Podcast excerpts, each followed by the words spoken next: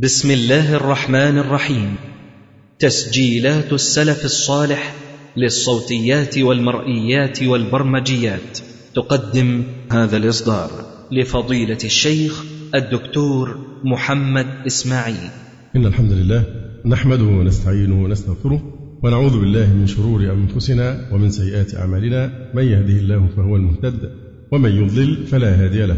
وأشهد أن لا إله إلا الله وحده لا شريك له وأشهد أن محمدا عبده ورسوله. اللهم صل على محمد النبي وأزواجه أمهات المؤمنين وذريته وأهل بيته. كما صليت على آل إبراهيم إنك حميد مجيد.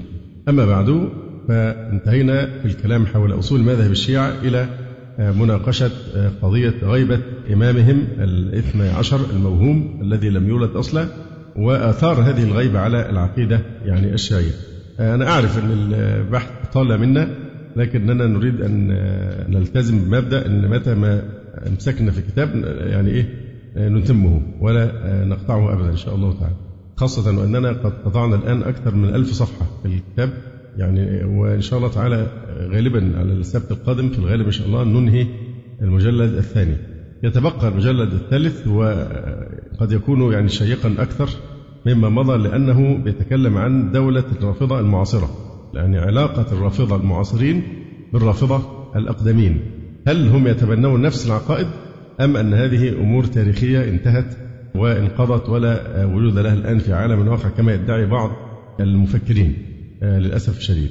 فالجزء الأخير واقعي أكثر وله صلة أوثق بالواقع الذي نعيشه خاصة دولة الآيات في إيران وأوضاعها يعني الحالية وموقفنا منها وموقفها أيضا من بلاد أهل السنة وأطماعها في هذه البلاد. نجتهد اليوم إن شاء الله تعالى أن نفرغ من جزء معين بحيث إذا فرغنا منه ننهي الجزء الثاني من الكتاب إن شاء الله تعالى يوم السبت. أعرف أن أحيانا الكلام يكون مملا لكن لا شك هذا يكون إنجازا كبيرا حينما نفرغ من كتاب كبير كهذا وفي قضية يعني لا أرى أحدا من الدعاة يهتم بها بالصورة التي يعني التي تستحقها فلذلك يعني وجود ملف جاهز صوتي لمن يحتاج في أي مكان لمثل هذه الأشياء ده يسهل عملية التطعيم ضد أفكار الشيعة ونشر المناعة من هذا الدين المنحرف. وإن كان بعض الإخوة سيحاول أن يضيف للدرس فقرة ترفيهية. فهنأجلها إن شاء الله لآخر الدرس عشان ما نبدأش بها. يقول الشيعة وغيبة مهديهم في ظل الغيبة التي دانت بها الشيعة وعاشت في حكمها منذ أكثر من 1100 سنة يعني من حوالي 1170 سنة. من ساعة ما المهدي اختفى في زعمهم. أوقف شيوخ الشيعة بحكم نيابتهم عن المنتظر العمل بجملة من أحكام الدين. يعني بسبب هذه الغيبة المزعومة طبعا ادعى شيوخ الشيعة أنهم نواب عن المهدي المنتظر. فبالتالي أوقفوا وعطلوا جملة من أحكام الدين واستحدثوا أيضا عقائد وأحكاما لم يأذن بها الله سبحانه وتعالى. لقد أوقف الشيعة بسبب الغيبة للمنتظر إقامة صلاة الجمعة كما منعوا إقامة إمام للمسلمين وقالوا الجمعة والحكومة لإمام المسلمين والإمام هو هذا المنتظر. ولذلك فإن معظم الشيعة إلى اليوم لا يصلون الجمعة. حتى قال بعض المتأخرين إن الشيعة من زمان الأئمة كانوا تاركين للجمعة. واعتقد حتى صلاة الجمعة التي يقيمونها أحيانا لها طقوس معينة لازم بيتركوا مكان معين سجادة ما حدش يقرب لها. دي بتاعة الإيه؟ المهدي. لهم أشياء معينة لكن الغالب أنهم لا يصلون الجمعة بسبب هذا الأمر. هل هم أحداثوا بقى في دينهم وتطوروا شيء جديد في صلاة الجمعة؟ هذا يحتاج لمزيد من يعني التحرير. يصلوا الجمعة ظهرا أربع ركعات. آه. كما أن الشيعة لا ترى بيعة شرعية إلا للقائم المنتظر. ولذلك فإنهم يجددون البيعة له كل يوم. يعني زي ما أنت كل يوم في الصباح بعد صلاة الفجر بتقول أذكار الصباح هم عندهم أذكار صباح بس فيها بيعة تجدد كل يوم للمهدي الخرافة الذي لم يخلق. فهناك عندهم دعاء يسمى دعاء العهد. يقول فيه كل شيعي اللهم إني أجدد له في صبيحة يومي هذا وما عشت من أيامي عهدا أو عقدا أو بيعة له في عنقي لا أحول عنها ولا أزول أبدا. هناك دعاء يومي آخر للغائب المنتظر يتضمن الإقرار له بالبيعة. يقول فيه اللهم هذه بيعة له في عنقي إلى يوم القيامة. قال المجلسي ويصفق بيده اليمنى على اليسرى كتصفيق البيعة. كأنه بيعمل بيعة وعقد مع الإمام. فطبعا الإمام مش موجود فهو بإيه؟ بيبايع نفسه. ويضع إيديه كده رمز للمصافحة عند البيعة. كذلك منع الشيعة الجهاد مع ولي أمر المسلمين. ما حدش بيفتئت عليهم كما قلنا هذا كلام كله موثق من كتبهم. من أول جهاد الصحابة رضي الله تعالى عنهم من عهد أبي بكر الصديق رضي الله عنه. إلى يومنا هذا أي صورة من صور الجهاد آه هذا جهاد باطل وكما سنرى رأيهم الآن في كل أنواع هذه الجهاد. يعني ما رأينا منهم خير قط الشيعة ما فيش بلد واحدة في العالم فتحوها ونشروا فيها الإسلام. لا توجد بلد أدخلوا فيها الإسلام ونشروا دين الله سبحانه وتعالى. بل بالعكس موقفهم من الجهاد الإسلامي أي نوع من الجهاد أو القتال حصل تحت راية من عهد أبي بكر رضي الله تعالى عنه إلى يومنا هذا طبعا أكيد هيستثنوا فترة أمير المؤمنين علي آه، رضي الله تعالى عنه. يعني هم يعتقدون أنه لا جهاد إلا مع الإمام. جاء في الكافي وغيره عن أبي عبد الله قال القتال مع غير الإمام المفترض اللي هو المهدي أو غيره طبعا من الأئمة الاثنى عشر القتال مع غير الإمام المفترض طاعته حرام. مثل الميتة والدم ولحم الخنزير. فمن جاهد مع أي خليفة سواء بكر, أبو بكر أو عمر أو عثمان أو هارون الرشيد أو أي دولة إسلامية أي حد اشترك في نوع من الجهاد فطاعة هذا الخليفة حرام مثل الميتة والدم ولحم الخنزير. والإمام المفترض الطاعة على المسلمين منذ سنة ستين ومائتين إلى اليوم هو منتظرهم الغائب في السرداب من 1170 سنة. وما قبل سنة 260 هم بقية الأئمة الاثني عشر. فالجهاد مع أبي بكر وعمر وعثمان رضي الله عنهم وبقية خلفاء المسلمين إلى اليوم هو حرام كحرمة الميتة والدم. وجنود الإسلام الذين يرابطون على الثغور ويجاهدون في سبيل الله ولا يريدون علوا في الأرض ولا فسادا والذين فتحوا بلاد الفرس وغيرها ما هم في اعتقاد الشيعة إلا قتله. كل المجاهدين والشهداء الذين بذلوا أرواحهم في سبيل الله تحت راية غير راية أئمتهم فدول قتلة قتلة مجرمين. لما مارسوا الجهاد دي قتل عملية قتل إرهاب يعني بالمصطلح الحديث. هؤلاء جماعة ما هم في اعتقاد الشيعة إلا قتلة الويل لهم يتعجلون مصيرهم. واللي استشهد منهم ده تعجل الذهاب إلى النار. روى شيخهم الطوسي في التهذيب عن عبد الله بن سنان قال قلت لأبي عبد الله عليه السلام جعلت فداك ما تقول في هؤلاء الذين يقتلون في هذه الثغور؟ ده في عهد أبي عبد الله عهد جعفر الصادق.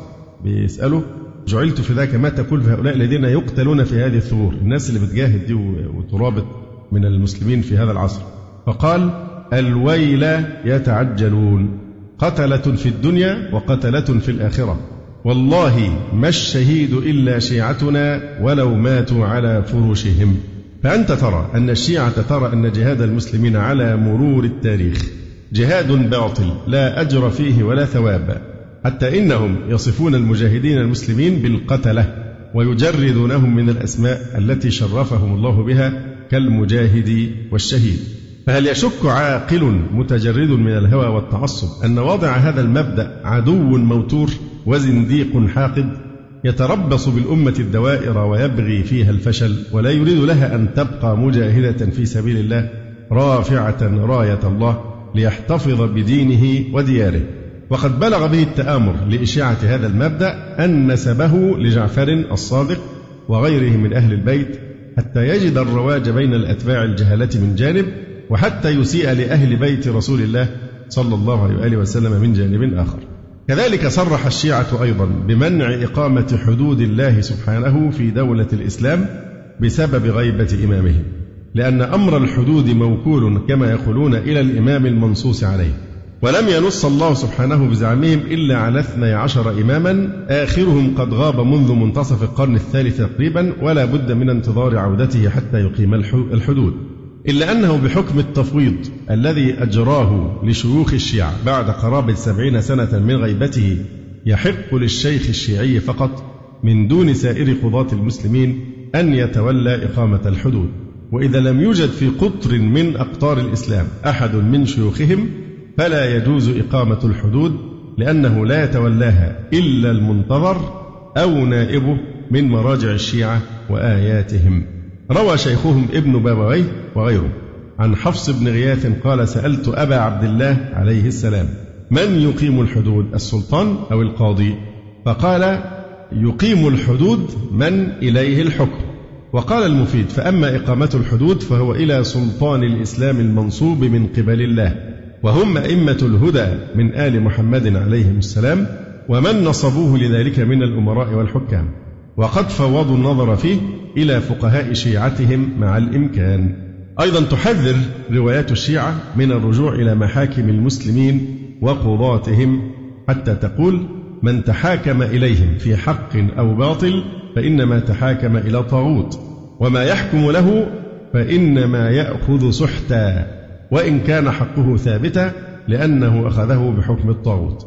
هذه جملة من شرائع الإسلام حرمتها الشيعة بسبب غيبة مهديهم وأوقفت العمل بها حتى خروجه من غيبته. كما أنهم شرعوا لأنفسهم أحكاما في فترة اختفاء هذا المنتظر لم يأذن بها الله سبحانه. ومن ذلك مسألة التقية والتي هي في الإسلام رخصة عارضة عند الضرورة. جعلوها فرضا لازما ودائما في فترة الغيبة. لا يجوز الخروج عنها حتى يعود المنتظر الذي لن يعود أبدا. عشان كده المفروض نلقبه بالمهدي المنتظر إلى الأبد. سيظل منتظرا ولن يأتي هذا المنتظر قطعا لأنه غير موجود واحد لم يخلق أساسا. فلما يقول منتظر يبقى المنتظر إلى الأبد بلا نهاية. فجعلوها فرضا التقية جعلوها فرضا لازما ودائما في فترة الغيبة لا يجوز الخروج عنها حتى يعود المنتظر الذي لن يعود أبدا. لأنه لم يولد كما يؤكد ذلك المؤرخون وأهل العلم بالأنساب. وفرق كثيرة من الشيعة نفسها. ومن ترك التقية قبل عودة المنتظر كان كمن ترك الصلاة. كذلك جعلوا الاستشهاد في سبيل الله يحصل بمجرد اعتناق التشيع وانتظار عودة الغائب لا في الجهاد في سبيل الله.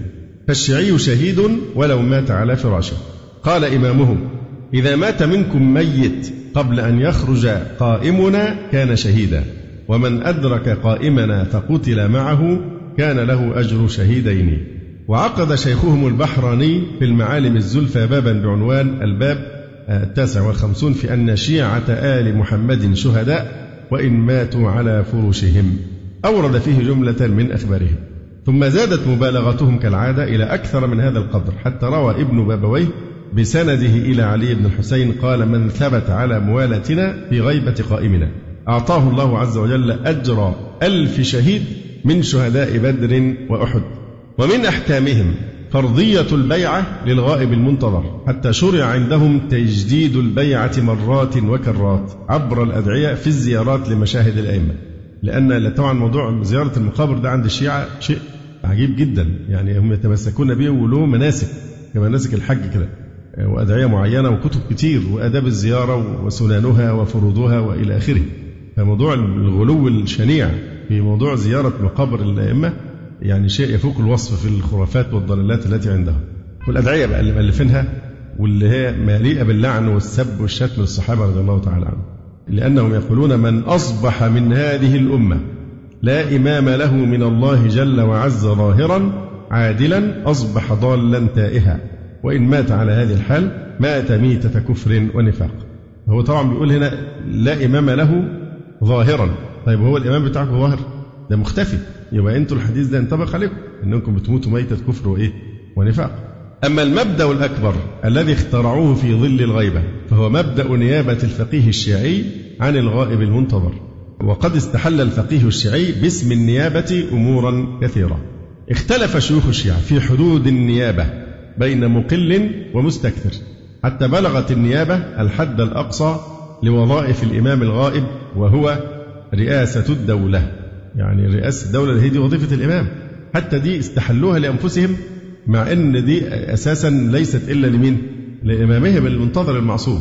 لأن حتى دي ففضلوا يطوروا المفهوم لأن طبعا هو الدين غير واقعي. يعني كناحية واقعية الدين يستعصي على البقاء وبالتالي بيحوروا فيه كل شوية علشان إيه؟ يحفظونه قائما وموجودا. بلغت النيابة عن عن الإمام الحد الأقصى من الغلو بأن وظائف الإمام الغائب هم أنفسهم إيه؟ آياتهم وشيوخهم يمارسونها اللي هي رئاسة الدولة. أيضا الاستفتاء على تشكيل الحكومة في دولة الآيات الحاضرة الانتخابات وهذه الأشياء وهم الذين لا يؤمنون إلا بالإمام المنصوص عليه. ولخطورة عقيدة النيابة ولأنها تمثل الخروج المقنع للمهدي لأن المهدي عمره ما هيخرج سيبقى منتظرا إلى أن تقوم الساعة مهديهم. وبالتالي هم أوجدوا نوع من البديل كأن المهدي يظهر بظهور مقنع تحت أسماء مختلفة وهي هذه الآيات والمرشد الروحي إلى آخره. فالنواب عن المهدي دول لو سواء الخميني أو علي خميني أو غيره هؤلاء إيه؟ نواب عن الإمام. هو ده نوع من التحوير في الدين علشان يكون إيه؟ المهدي مش هيخرج إذا في الواقع يعني مش هيخرج فهم أعطوا سلطاته لمين؟ لهذا النائب يقوم يعني آه، مقامه. ولخطورة عقيدة النيابة ولأنها تمثل الخروج المقنع للمهدي على يد مجموعة كبيرة من شيوخهم كل يزعم أحقيته في النيابة. يخص مبدأ النيابة عن المنتظر بالكلام فيقول أرسيت دعائم فكرة الغيبة لولد للحسن العسكري. وكان لابد من وجود وكيل مفوض يتولى شؤون الأتباع في أثناء فترة الاحتجاب ويكون الواسطة والباب للغائب في السرداب أو في جبال رضوى أو في وديان مكة. فكان أول زعيم تولى شؤون الشيعة. كما كشفت ذلك أوراق الاثنى عشرية هي امرأة. أول واحد تولى شؤون الشيعة أو مارس موضوع النيابة عن المهدي المنتظر امرأة. والحديث يقول ما أفلح قوم ولوا أمرهم امرأة. إذ بعد وفاة الحسن العسكري وإشاعة وجود الولد المختفي وبقاء الشيعة بدون إمام ظاهر بدأ الشيعة يتساءلون إلى من يرجعون. ففي سنة اثنتين وستين ومائتين بعد وفاة الحسن العسكري بسنتين توجه بعض الشيعة إلى بيت الحسن العسكري وسأل كما تقول الرواية خديجة بنت محمد بن علي الرضا عن ولد الحسن العسكري المزعوم فسمته له. طبعا هم يحرمون النطق باسمه ويقولون إن من سماه باسمه فهو كافر. مش عارف تيجي إزاي إن واحد يقول اسمه إيه هيسمع هيفشي السر يعني والناس تعرف اسمه؟ لكن هو ده الموجود كما ذكرنا من قبل. في كتبهم إن من سماه باسمه فهو كافر. فدايما ما بيكونش الاسم صريح. فذهب بعض الشيعة إلى بيت الحسن العسكري وسأل خديجة بنت محمد بن علي الرضا عن ولد الحسن العسكري المزعوم فسمته له. قالت له ده إيه؟ فلان. يقول راوي الخبر قلت لها فأين الولد؟ فين هو الولد ده اللي اتولد. قالت مستور. فقلت إلى من تفزع الشيعة؟ قالت إلى الجدة أم أبي محمد عليه السلام. ويبدو أن رجال الشيعة أرادوا أن تبقى النيابة عن الغائب في بيت الحسن العسكري. فأشاعوا بين أتباعهم في بداية الأمر أن أم الحسن العسكري هي الوكيلة عن المنتظر اللي هي جدة الإيه؟ المهدي الخرافة. فهي الرئيسة العامة للمسلمين بالنيابة بالنيابة عن المهدي ويظهر أن هذا التعيين كان القصد منه إيجاد الجو المناسب لنمو هذه الفكرة بين الأتباع لأن أم الحسن كانت هي الوصية للحسن بعد وفاته كما تذكر أخبار الشيعة. فكان من الطبيعي أن تتولى عن ابنه إلا أن بيت وعائلة الحسن العسكري حاربت فكرة الولد وتنكرت له اللي هو أسرة من الحسن العسكري أو لا مات ولم يكن له ولد. فهذا الأمر وجه رجال الشيعة قالوا إن موضوع إن إحنا نفضل ندعي إن في حد من داخل أسرة الحسن العسكري هو الذي ينوب عن الإمام فدي مش هتطوح هتعمل لنا مشاكل. كل شوية لأن في جزء كبير من العيلة أو أسرة الحسن العسكري بتناهض فكرة إن هو كان له ولد واختفى إلى آخره. فتوجهوا إلى اختيار رجل من خارج أهل البيت. اختاروا حد تاني خارج إيه؟ أهل البيت عشان الطعن بتاع شقيق الحسن العسكري وأسرته بأنه هو مات ولم يكن له أولاد. ولهذا جاء في الغيبة للطوسي ولد الخلف المهدي صلوات الله عليه سنة ست وخمسين ومائتين ووكيله عثمان بن سعيد. فلما مات عثمان بن سعيد أوصى إلى أبي جعفر محمد بن عثمان اللي هو ابنه. وأوصى أبو جعفر إلى أبي القاسم الحسين بن روح وأوصى أبو القاسم إلى أبي الحسن علي بن محمد السمري. فهؤلاء النواب الأربعة اللي هي كانت فترة الغيبة الإيه؟ الصغرى. هؤلاء النواب الأربعة يزاحمهم على مسألة النيابة آخرون. هم من خارج بيت الحسن.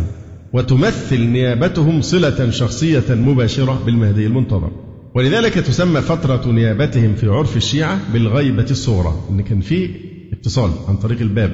هؤلاء النواب الأربعة لهم ما للإمام من حق الطاعة وثقة الرواية.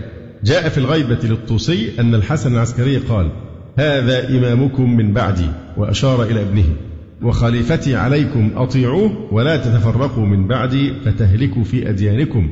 ألا وإنكم لا ترونه من بعد يومكم هذا حتى يتم له عمر. فاقبلوا من عثمان ما يقوله. اللي هو أول باب. طبعا الروايات دي تتألف متأخرة. لما يحتاجوا لها فبيألفوها. بتكون الراجل مات وشبع موت. اللي بيتكلموا على لسانه. فهم بيلاقوا الأحداث مشيت إزاي؟ فيفصلوا الرواية عشان إيه؟ يعني موضوع التفصيل ده عندهم في في العقائد يألفوا الرواية بعد ما تقع الأحداث عشان تسوغ لهم هذا. فاقبلوا من عثمان ما يقوله وانتهوا إلى أمره فهو خليفة إمامكم والأمر إليه. فما قاله لكم فعني يقول وما أدى إليكم فعني يؤدي. هكذا أصبح للباب حق النيابة عن الإمام والأمر إليه. لقوله صفة القداسة والعصمة. لأنه ينطق عن الإمام ويؤدي عنه.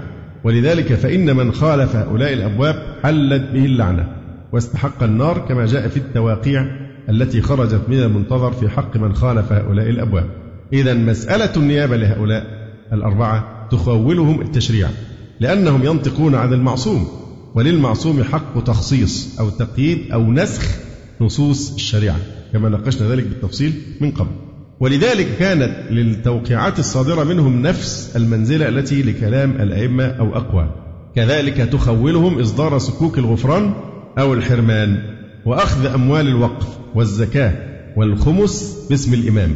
ولكن هذه النيابة انتهت إذ لما حضرت السمري الوفاة سئل أن يوصي فقال لله أمر هو بالغه فالغيبة التامة هي التي وقعت بعد السمري.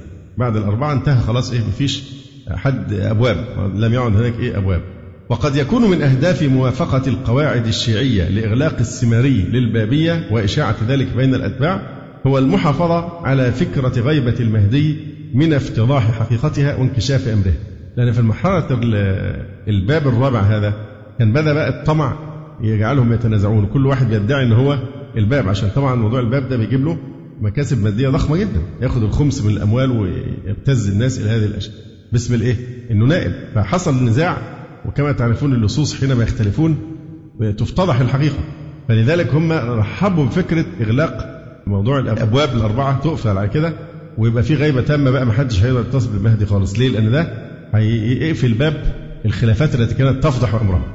وكادت تقضي على فكرة غيبة الإمام حيث كثر الراغبون فيها من شيوخ الشيعة. ولا سيما في عهد سلفه أبي القاسم ابن روح. وعظم النزاع بينهم. ووصل الأمر إلى التلاعن والتكفير والتبري. كما يلحظ ذلك في التوقيعات التي خرجت على يد الأبواب منسوبة للمنتظر. فكل واحد من اللي بيدعي إن هو الباب يقول له ومعايا توقيع من المهدي المنتظر. بعته لي من السرداب أو أنا اتخذته منه في السرداب وده يكون بيلعن الباب الثاني والباب الآخر يقول معايا توقيع من المهدي المنتظر. ويكون بيلعن إيه؟ من ينازعه. فالموضوع كثر فهم رحبوا يبدو إنه إيه إن يغلقوا الباب ده عن طريق ادعاء الغيبة التامة. فأغلق السماري حكاية البابية. هنا حصل تطور آخر في مسألة النيابة وفي المذهب الشيعي عموما حيث جعلت النيابة حقا مطلقا للشيوخ. فبدل الباب أصبح فيه بقى إيه؟ آيات الله أبواب كلها أبواب. أصدرت الدوائر الاثنى عشرية توقيعا منسوبا للمنتظر الموهوم وخرج بعد إعلان انتهاء البابية على يد السمري. يقول التوقيع أما الوقائع الحادثة فارجعوا فيها إلى رواة حديثنا فإنهم حجتي عليكم وأنا حجة الله. فأعلن انقطاع الصلة المباشرة بالمهدي وفوض أمر النيابة عن المنتظر إلى رواة حديثهم وواضع أخبارهم ولقد حقق هذا الإعلان مجموعة من الأهداف. أصبحت دعوى البابية غير مقصورة على واحد. والذي قد تكشف حقيقة أمره بسهولة. يعني لو الواحد ده اللي هو بيقول إن هو الباب لو حصل رصد ورقابة له مستمرة لا تتوقف. 24 ساعة لمدة خمس سنين مثلا. أكيد في الخمس سنين دي بيتصل بالمهدي فهيكتشفوا إن هو كذاب ولا مهدي ولا حاجة. يعني لو لو خضع لرقابة دقيقة سيفتضح أمر إنه مفيش مهدي ولا شيء. يقول فقد أصبحت الدعوة البابية غير مقصورة على واحد. والذي قد تكشف حقيقة أمره بسهولة وبمجرد مراقبة مجموعة له. ولذلك يلاحظ كثرة الشك والتكذيب في فترات الغيبة الأولى. فترة الغيبة الأولى اللي هي الغيبة الصغرى أربعة أنفار. فممكن عادي فعلا الناس تقعد تراقبهم ويعملوا نوبتجيات عليهم. هيلاقوا ولا في حد مهدي ولا حاجة. عشان كده بيفضل التشكيك وكان في اضطراب شديد في موضوع الغيبة. كما أن ذلك خفف التنافس على البابية التي كان لها أثرها فبقيت مشاعة بين شيوخ الشيعة وأطلق على انقطاع البابية الخاصة وتحولها إلى نيابة عامة الغيبة الكبرى. فصار للإمام غيبتان صغرى وكبرى رغم أن لهم روايات لا تتحدث إلا عن غيبة واحدة. في روايات صنعت أيضا بعد الفترة الأولى من موت الحسن العسكري. يقول بعضها كأن الحسن العسكري بيقول إيه؟ بيقول لهم إن بلغكم عن صاحبكم غيبة فلا تنكروها. شوف الشك إن بلغكم احتياطي إن بلغكم عن صاحبكم غيبة فلا تنكروها. فكأن نوع من الجس النبض. بيشوف هيعملوا إيه لما نختار عليهم فكرة الغيبة دي؟ إن بلغكم عن صاحبكم غيبة فلا تنكروها. طيب الغيبة دي غيبة واحدة. بعد كده أصبحت إيه؟ يعني غيبتان. تؤكد بعض روايتهم أنه بعد هذه الغيبة سيظهر المهدي. جاء في الكافي عن أم هاني قال سألت أبا جعفر محمد بن علي عليهما السلام عن قول الله تعالى فلا أقسم بالخنس الجوار الكنس. قالت إمام يخنس. اختفي. سنة ستين ومائتين ثم يظهر. فما بعد غيبته إلا الظهور. فإعلان السمري البابية قد يراد منه إشعارهم بقرب الظهور. ولكن مرت الأيام والسنون والقرون ولم يظهر. وضعت روايات تناسب الوضع الجديد بقى. إن في غيبتين. في روايات كانت بتتكلم على غيبة واحدة هتحصل. ثم بعد ذلك الموضوع بقى طول واخترعوا النيابة العامة هذه فصلوا روايات تناسب الوضع الجديد وتتحدث عن غيبتين. يقول بعضها قال أبو عبد الله عليه السلام للقائم غيبتان إحداهما قصيرة والأخرى طويلة. الأولى لا يعلم بمكانه إلا خاصة شيعته والأخرى لا يعلم إلا خاصة مواليه في دينه. فأثبتت الرواية غيبتين الأولى يتصل بها خاصة شيعته وهذا طبعا قد يكون إشارة إلى السفراء الذين تناوبوا على دعوة البابية والأخرى يتصل به خاصة مواليه. أشارت الرواية في الكافي إلى أن عددهم ثلاثون. فلم تنف رواياتهم الصلة المباشرة بالمنتظر في الحالتين. يبقى الرواية دي بتثبت أن حتى في حالة الغيبة الكبرى في ناس اللي هم خاصة إيه؟ موالي المهدي هؤلاء هم اللي هيتصلوا به قال أن عددهم حوالي 30 واحد. يبقى إذا مرحلة من المراحل كان عندهم اعتقاد أن الغيبة الصغرى في نوع معين من الناس بتتصل به اللي هم النواب. في الغيبة الكبرى في أيضا خاصة مواليه هم الذين يتصلون به. رغم أن السمري حينما حل وظيفة البابية أصدر توقيعا على لسان المنتظر يقول فيه من ادعى المشاهدة للمنتظر فهو كاذب. وإن شيوخهم يقولون بأنه وقعت في الغيبة الكبرى المحرومية العظمى من الإمام. هم لهم كده تعبيرات الشيعة بيحبوها أو يعشقونها. المظلومية المحرومية. المظلومية اللي هي مظلومية الزهراء. إن الزهراء ظلمت وفعل بها كذا وكذا وعمر ضربها ومش عارف أسقط حملها وحصرها كده بين الباب وبين الحيطة وقعد يضربها. كلام يعني إيه؟ نقول إيه عليه؟ الشاهد يعني فهم بيحبوا الكلمات دي. المظلومية مظلومية ال البيت. المحرومية العظمى. المحرومية العظمى اللي هي إيه؟ الحرمان من الإمام. يقول شيخهم النعماني بعدما ذكر اخبارهم في الغيبتين هذه الأحاديث التي يذكر فيها أن للقائم غيبتين أحاديث قد صحت عندنا. فأما الغيبة الأولى فهي الغيبة التي كان السفراء فيها بين الإمام عليه السلام وبين الخلق منصوبين ظاهرين موجودي الأشخاص والأعيان. يخرج على أيديهم الشفاء من العلم وعويص الحكمة والأجوبة. عن كل ما كان يسأل عنه من المعضلات والمشكلات وهي الغيبة القصيرة التي انقضت أيامها وتصرمت مدتها. والغيبة الثانية هي التي ارتفع فيها أشخاص السفراء والوسائط. ولكن شيوخ الشيعة يدعون في فترة الغيبة الثانية النيابة عن الإمام المنتظر. ويستندون في ذلك على التوقيع الذي أظهره السمري عن منتظرهم والذي يحيلهم إلى رواة حديثهم في كل الحوادث الواقعة الجديدة. وهل هو أحالهم على الكتاب والسنة؟ لا أحالهم على رواة أحاديثهم شيوخهم. تبوأ شيوخ الشيعة ذلك منصب البابية عن الغائب. أصبح شيوخ الشيعة مكان من الأبواب. واستمدوا القداسة بين الأتباع بفضل هذه النيابة عن الإمام. الذي أضفوا عليه تلك الصفات الخارقة والفضائل الكاملة. ولذلك يطلقون على شيوخهم الذين وصلوا إلى منصب النيابة عن الإمام اسم المراجع وآيات الله. يبقى المرجع الشيعي الأعلى. آية الله كذا. أي صفة من الصفتين دول؟ إشارة إلى أنه نائب عن المهدي المنتظر المنتظر للأبد. فهم ظاهر للإمام المعصوم. ولذلك يقرر أحد شيوخهم المعاصرين بأن الراد على النائب كالراد على الله تعالى وهو على حد الشرك بالله وذلك بمقتضى عقيدة النيابة. يقول شيخهم المظفر عقيدتنا في المجتهد الجامع للشرائط. دي في كتاب اسمه عقائد الإمامية. هذا الكتاب وزعوه على الحجاج سنة 1398 هجرية. في بداية الثورة. أنا نفسي عندي نسخة حتى الآن أخذتها من من الشيعة كانوا يوزعونها في الشوارع. فهم يعترفون بهذا الكتاب ويقرونه عقائد الإمامية للمظفر يقول عقيدتنا في المجتهد الجامع للشرائط أنه نائب للإمام عليه السلام في حال غيبته وهو الحاكم والرئيس المطلق. له ما للإمام في الفصل في القضايا والحكومة بين الناس. والرد عليه رد على الإمام والرد على الإمام رد على الله تعالى وهو على حد الشرك بالله كما جاء في الحديث عن صادق آل البيت عليهم السلام فليس المجتهد الجامع للشرائط مرجعا في الفتيا فقط بل له الولاية العامة فيرجع إليه في الحكم والفصل والقضايا وذلك من مختصاته لا يجوز لأحد أن يتولاها دونه إلا بإذنه كما لا تجوز إقامة الحدود والتعزيرات إلا بأمره وحكمه ويرجع إليه في الأموال التي هي من حقوق الإمام ومختصاته. هذه المنزلة أو الرئاسة العامة أعطاها الإمام عليه السلام للمجتهد الجامع للشرائط ليكون نائبا عنه في حال الغيبة ولذلك يسمى نائب الإمام. فأنت ترى أن شيوخ الشيعة طبعا بهذه الطريقة هم تخلوا عن آل البيت رأسا. قضية بقى أن آل البيت والمظلومية آل البيت وأنهم أحق بالحكم إلى آخره. فين آل البيت؟ شيوخكم أصبحوا هم الذين يتولون الحكم الفعلي. يعني الحاكم الفعلي في إيران ليس نجاد ولا غيره. الحاكم الفعلي هو أولا كان الخميني ثم الآن علي خامنئي ده الحاكم الفعلي. يعني حتى رئيس الجمهورية هو مقيد يعني ده بيرسم له سياساته والتاني ينفذ.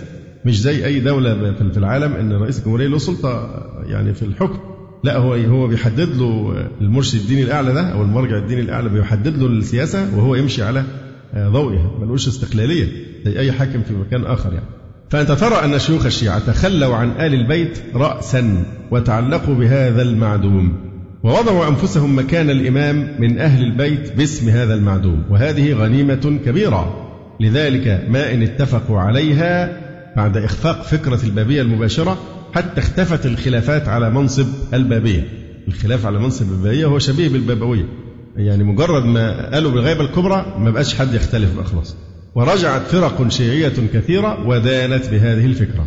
لماذا؟ لأنها تجعل من كل واحد من تلك الرموز الشيعية إماما ومهديا وحاكما مطلقا مطاعا وجابيا للأموال ولا يقاسمهم في ذلك أحد من أهل البيت ولا يفضحهم ويكشف أوراقهم رجل من أهل البيت ويبدو من التوقيع المنسوب للمنتظر أنه يجعل لشيوخ الشيعة حق النيابة في الفتوى حول المسائل الجديدة إذ هو يقول فأما المسائل الواقعة فارجعوا فيها إلى رواة حديثنا ولا يخولهم النيابة العامة ولكن الشيوخ توسعوا في مفهوم النيابة حتى وصلت إلى قمة غلوها في هذا العصر على يد الخميني.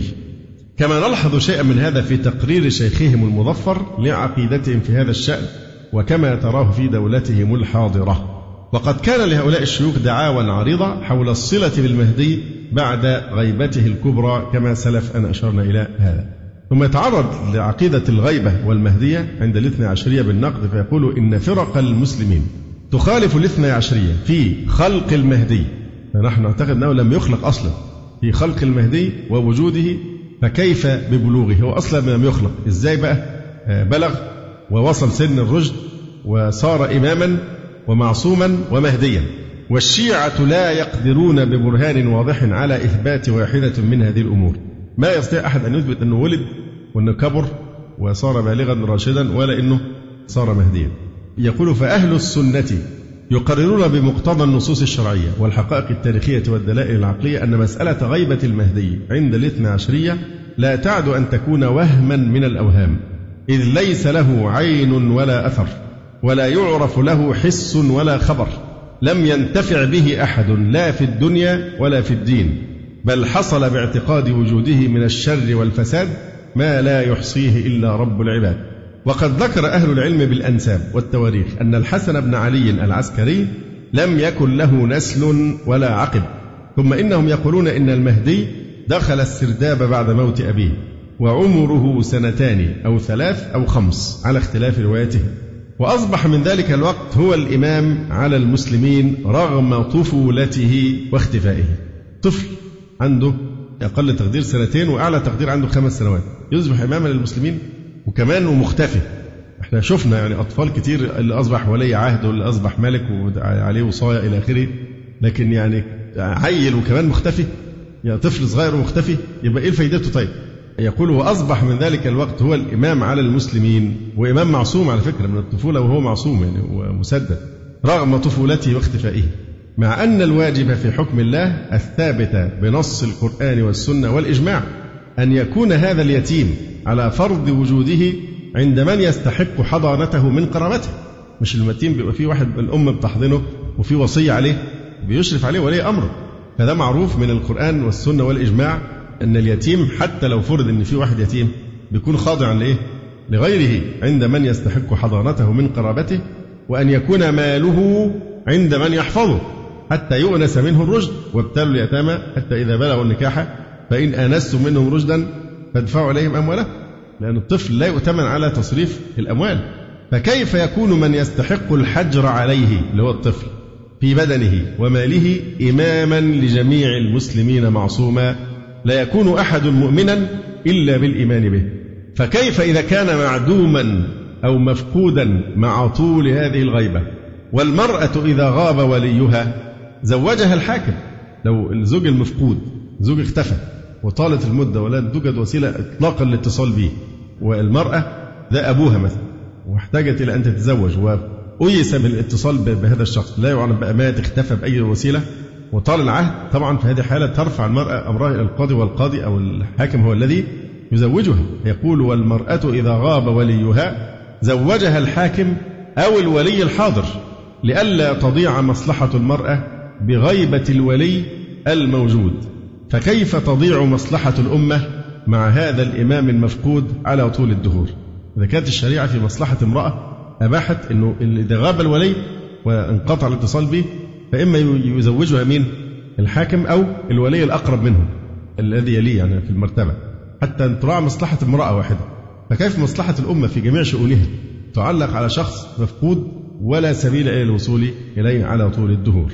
وبغض النظر عن موقف أهل السنة من مهدي الاثنى عشرية وغيبته فإن المتأمل لنصوص المهدية والغيبة في كتب الاثنى عشرية المعتمدة يلاحظ ملاحظة جديرة بالاهتمام وهي أن هذه الدعوة لم تلق قبولا لدى الشيعة أنفسهم إلا في العصور المتأخرة نسبيا وذلك حين جدت الدعاية الشيعية في ترويج هذه العقيدة وألغت فكرة البابية التي انكشف بواسطتها أمر الغيبة ولذلك فإن شيخهم النعماني وهو من معاصري الغيبة الصغرى يقرر أن جميع الشيعة في شك من أمر الغيبة إلا قليلا منهم.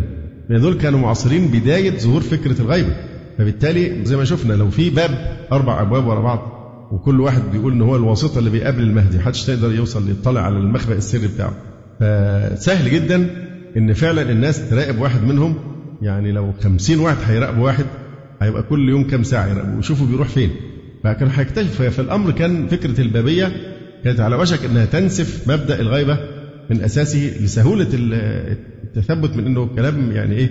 كذب. فبالتالي كانت أمرات الشك واضحة بينة للشيعة حيث إن الحسن العسكري كما يعترفون توفي ولم ير له أثر ولم يعرف له ولد ظاهر. فاقتسم أخوه جعفر وأمه ما ظهر من ميراثه. ورد في الكافي أصح كتب الحديث عندهم وغيره عن أحمد بن عبد الله بن خاقان قال لما مات الحسن العسكري سنة ستين ومائتين ضجت سر من رأى اللي هي سمراء ضجة واحدة مات ابن الرضا. وبعث السلطان إلى داره من يفتشها ويفتش حجرها وختم على جميع ما فيها. يعني زي ما بيقولوا دلوقتي بالشمع الأحمر. وطلبوا أثر ولده وجاءوا بنساء يعرفن الحمل فدخلن إلى جواره ينظرن إليهن. فذكر بعضهن أن هناك جارية بها حمل فوضعت تلك الجارية في حجرة ووكل بها بعض النسوة ثم أخذوا بعد ذلك في تهيئته. التجهيز الإيه؟ الجنازة يعني فلما فرغوا من ذلك بعث السلطان إلى أبي عيسى بن المتوكل للصلاة عليه. فلما دنا أبو عيسى منه كشف عن وجهه. فعرضه على بني هاشم من العلوية والعباسية والقواد والكتاب. ثم قال هذا الحسن بن علي بن محمد الرضا. عشان ما يجيش حد بعد كده يقول إيه؟ إنه ما ماتش يقف عليه.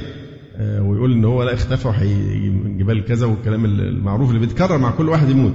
هو جه وأشهد ناس من المين من العلوية والعباسية والقواد والكتاب. وقال هذا الحسن بن علي بن محمد الرضا مات حتف أنفه على فراشه حضره من حضره من خدم أمير المؤمنين وثقاته ثم صلى عليه. وبعد دفنه أخذ السلطان والناس في طلب ولده وكثر التفتيش في المنازل والدور وتوقفوا عن قسمة ميراثه. ولم يزل الذين وكلوا بحفظ الجارية التي وهم عليها الحمل ملازمين لها حتى تبين بطلان الحمل. فلما بطل الحمل عنهن قسم ميراثه بين أمه وأخيه جعفر. فده إجراء قضائي مش أكثر يعني. وبعدين هو يختفي ليه؟ طيب يقول لك خاف ويتقتل طب واللي قبل منه؟ 11 واحد ما حدش قتلهم ليه؟ اشمعنى ده بالذات اللي هيتقتل؟ وهو طفل؟ فأنت تلاحظ أن الاثني عشرية ساقوا هذه الرواية للدلالة على بطلان قول من قال من الشيعة بالوقف على الحسن العسكري في إنكار وفاته. ولكن تبين من خلالها بطلان دعوى الولد. لأن أسرة الحسن ونقابة أهل البيت والسلطان حققوا علنيا في حقيقة الأمر وذلك لإبطال ما يزعمه الشيعة في هذا المجال. ولهذا قرر القمي والنوبختي وغيرهما بأن الشيعة افترقوا بعد وفاة الحسن العسكري إلى فرق عديدة أنكر أكثرها وجود الولد أصلا. يعني البداية أكثر فرق الشيعة أنكرت أن فيه ولد. حتى قال بعضهم إنا قد طلبنا الولد بكل وجه فلم نجده. ولو جاز لنا دعوى أن للحسن ولدا خفيا لجاز مثل هذه الدعوة في كل ميت عن غير خلف. يعني لازم نتكلم بالعقل شوية لو جائز يعني زي بيقولوا في القاعدة إيه الدعاوى يحتج لها ولا يحتج بها. يعني واحد جاي على العمارة بتاعت واحد ملكه مثلا أو مصنع أو شيء من هذا ويقول دي ملكي أنا. يقولوا إيه الدليل أنها ملكك؟ يقول إن أنا بقول إنها ملكي. هل يصلح أن الدعوة التي أدعيها تبقى هي الدليل بتاعي؟ ولا لازم أجيب وثائق وأدلة وكذا. فنفس الشيء. يبقى في هذه الحالة لو إحنا نفتح هذا الباب إن واحد مات ولم يكن له أولاد وندعي دعوة إنه ترك ولدا يخلفه ففي هذه الحالة يبقى أي ميت أي واحد مات ندعي عليه أن هو ترك ما لم يخلق من الأولاد.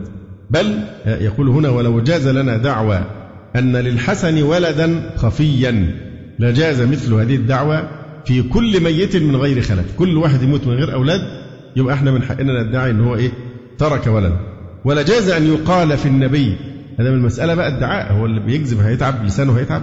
ولا جاز أن يقال في النبي صلى الله عليه وسلم بأنه خلف ابنا نبيا رسولا. لأن مجيء الخبر بوفاة الحسن بلا عقب كمجيء الخبر بأن النبي صلى الله عليه وسلم لم يخلف ولدا من صلبه. فالولد قد بطل لا محالة. هذا الواقع هو الذي حدا بشيوخ الشيعة. كما تعرفون في ترزية بيفصلوا روايات بعد وقوع الأحداث. عشان تتحط في الكتب والأجيال اللي جاية تتوهم إن الروايات دي كانت بتتقال إيه؟ من الغيب كده قبل ما تحصل كانها نبوءات. لكن لأ هي ترزيه الروايات اللي بيخيطوا ويفصلوا على مقاس الحادثة أو الواقعة أو الشيء اللي عايزين يدعموه. فيفصلوا له الرواية ويحطوها في الكتب. فالرواية واضحة جدا إن اللي بتثبت إن الحسن العسكري مات ولم يكن له ولد. القصة التي ذكرناها أنف وهم اللي بيحكوها في كتبهم. عشان يردوا على مين؟ على اللي بيدعوا إن الوقف على مين؟ على الحسن العسكري. لا دي بتثبت إنه مات بس هم بيجيبوها عشان يثبتوا إن هو مات بيثبتوا ضمنا بطلان قصة الإيه؟ الولد. كما رأينا. نلاحظ هنا إنه الشيعة برضه فصلوا بقى الترزيه بتوع الخياطين بتوع الروايات بتاعتهم. الموضوع واضح خالص. وجابوا الجارية اللي شكوا في إنها حامل وراقبوها وكذا وانتهى الأمر إلى إثبات بطلان الحمل وتوزعت التركه خلاص على الموجودين. فالشيعة بقى عشان يحلوا الموضوع ده إيه؟ قالوا لأ دي الجارية اللي كانت حاملا لم يظهر عليها إيه؟ علامات الحمل إطلاقا وذكرنا هذا من قبل بالتفصيل يقول فهذا الواقع هو الذي حدا بشيوخ الشيعة إلى وضع روايات تجعل من لوازم منتظرهم اختفاء حمله وولادته والشك فيه فألفوا روايات إن هيخرج بقى مهدي أو يخرج هذا الشخص القائم من علاماته أن حمله يكون خفيا. لا يستطيع أحد أن يرى أي علامات من علامات الحمل. ولادته تكون خفية وأن الناس يشكون في أنه ولد أو لم يولد. كمحاولة من شيوخهم لتجاوز هذه المرحلة التي كاد أن ينكشف فيها أمر التشيع. وعلاوة على إنكار جل الشيعة ذلك. معظم الشيعة في ذلك الوقت رفضوا هذا الكلام. فإن لأهل البيت موقفا صريحا حاسما في هذا الأمر. وهو من البراهين الواضحة على بطلان هذه الدعوة. حيث جاء في تاريخ الطبري في حوادث سنة اثنتين وثلاثمائة أن رجلا ادعى في زمن الخليفة المقتدر أنه محمد ابن الحسن ابن علي بن موسى بن جعفر. فأمر الخليفة بإحضار مشايخ آل أبي طالب وعلى رأسهم نقيب الطالبيين أحمد بن عبد الصمد المعروف بابن طومار فقال له ابن طومار لم يعقب الحسن. يعني واحد ادعى إن هو محمد بن الحسن العسكري المهدي. فطبعا دي أيضا غريبة إن إزاي واحد بيدعي وهو أصلا مختفي ما بيبانش. وقد ضج بنو هاشم من دعوى هذا المدعي. يعني نفس بنو هاشم قالوا بيت الرسول صلى الله عليه وسلم ضجوا جدا من هذا الرجل ادعى إن هو محمد بن الحسن العسكري. وقالوا يجب أن يشهر هذا بين الناس ويعاقب أشد عقوبة.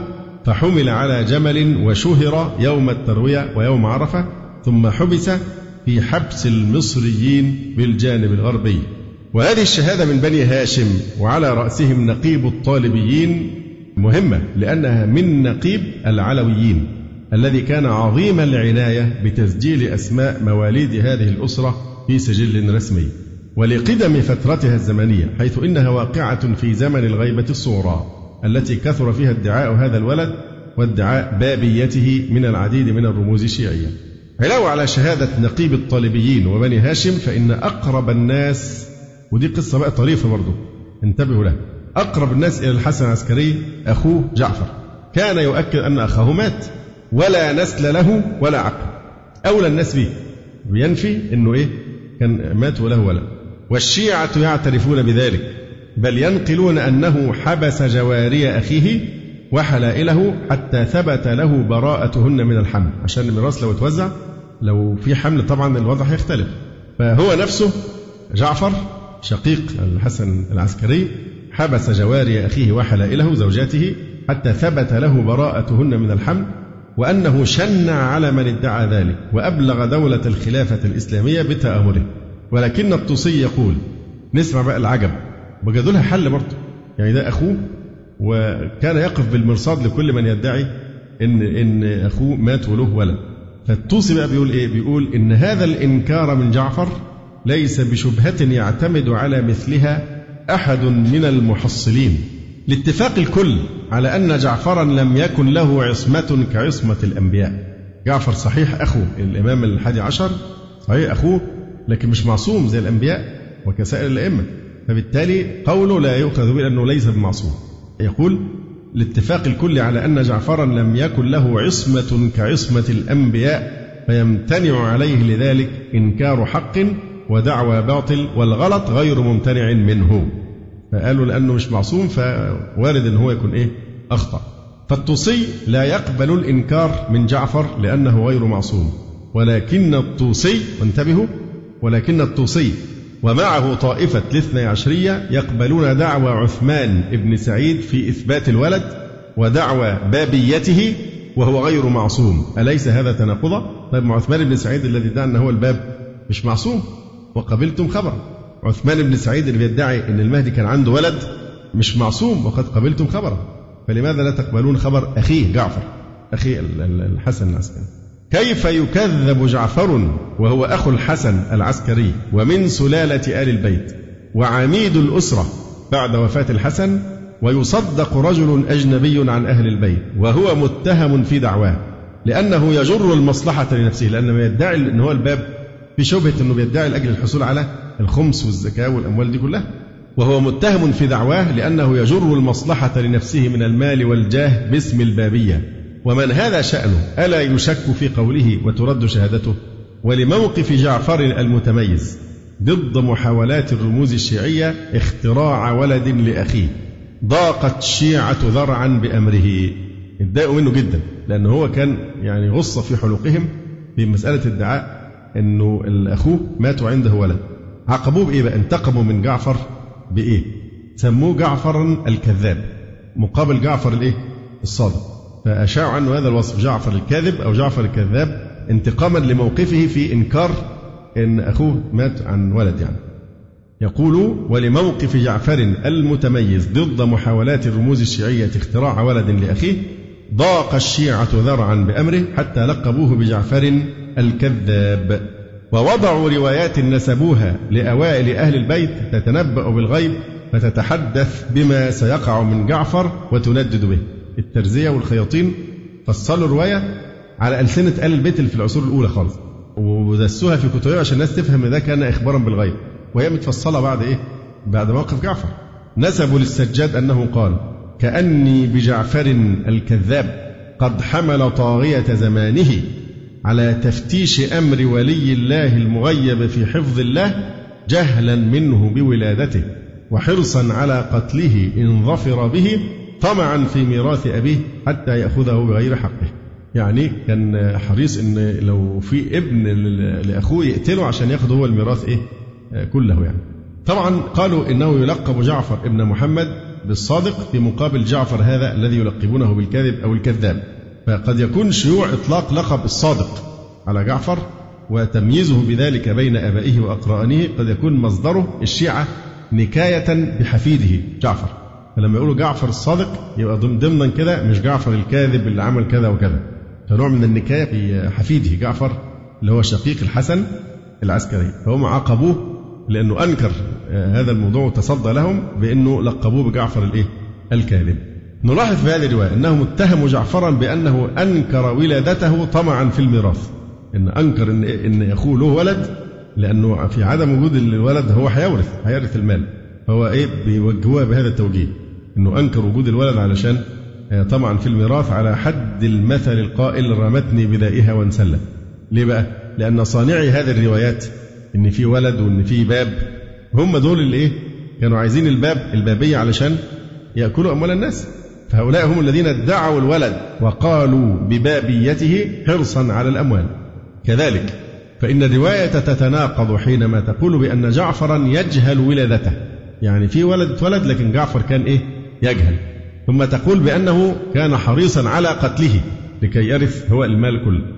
يعني منين حريص على قتله بتقول إن هو كان يجهل أنه ولد. فإذا كان يجهل أنه ولد فكيف يحرص على قتل مجهول وجوده؟ ثم انظر كيف يدافعون عن عثمان بن سعيد ويتهمون جعفرا وهم يدعون التشيع لأهل البيت. وليس جعفر وحده من أسرة الرضا الذي ينكر هذه الدعوة بل يظهر من روايات الشيعة أن الإنكار كان من بيت الولد المزعوم من ومن بني عمه. يدل على ذلك ما جاء في كتب الشيعة. عن إسحاق بن يعقوب قال سألت محمد بن عثمان العمري اللي هو ده الباب الإيه؟ الثاني المهدي أن يوصل لي كتابا. قد سألت فيه مسائل أشكلت علي يعني كتبت له أسئلة وقلت له وصلها للمهدي وهات لي الإيه؟ الإجابات. فورد التوقيع بخط مولانا صاحب الزمان. طبعا فيش أي دليل على أن ده خطه. الخطوط تتشابه يعني. والشخص اللي خرجت الرقعة على ده شخص غير معصوم لا يؤمن إن هو يكون بإيه؟ هو اللي بيألف الإجابة دي. لأنه طبعا صاحب إيه مصلحة؟ وهي أخذ أموال الناس بحجة النيابة عن الإمام.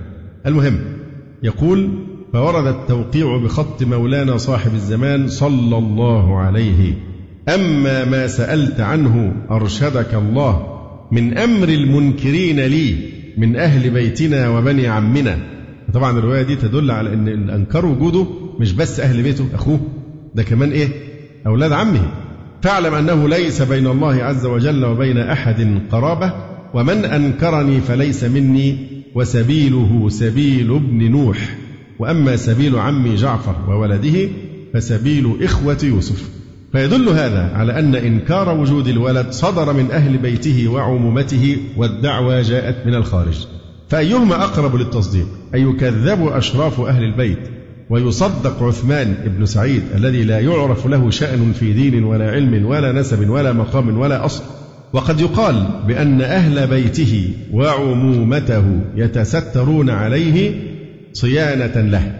ممكن أن أهل البيت وبني عمومته جعفر بيتستروا عشان يحموا المهدي عشان ما يظهرش حد يقتله. لنفرض. لكن التوقيع الصادر عن المنتظر المزعوم يدل على أن الإنكار حقيقي. لأنه يحكم عليهم بأنهم كابن نوح في الكفر. إذ ليس بين الله وبين أحد قرابة مع أن مذهبهم قائم على أن قرابة أئمتهم من الرسول صلى الله عليه وسلم هي التي خولتهم تلك المكانة. كذلك حملتهم على جعفر ووصفه بالكذاب ورميه بكل عيب ونقيصة. يدل على أن الإنكار من أسرة الحسن حقيقي.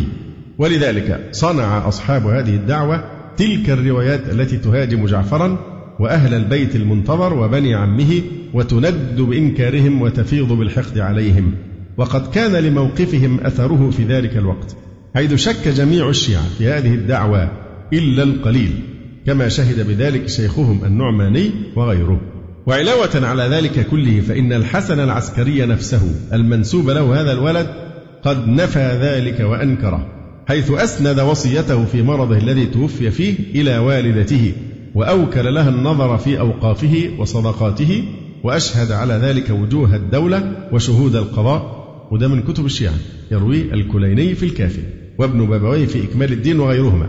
ولو كان له ولد هو إمام المسلمين يحمل تلك الأوصاف الكاملة والخارقة لما وسعه إلا توكيله.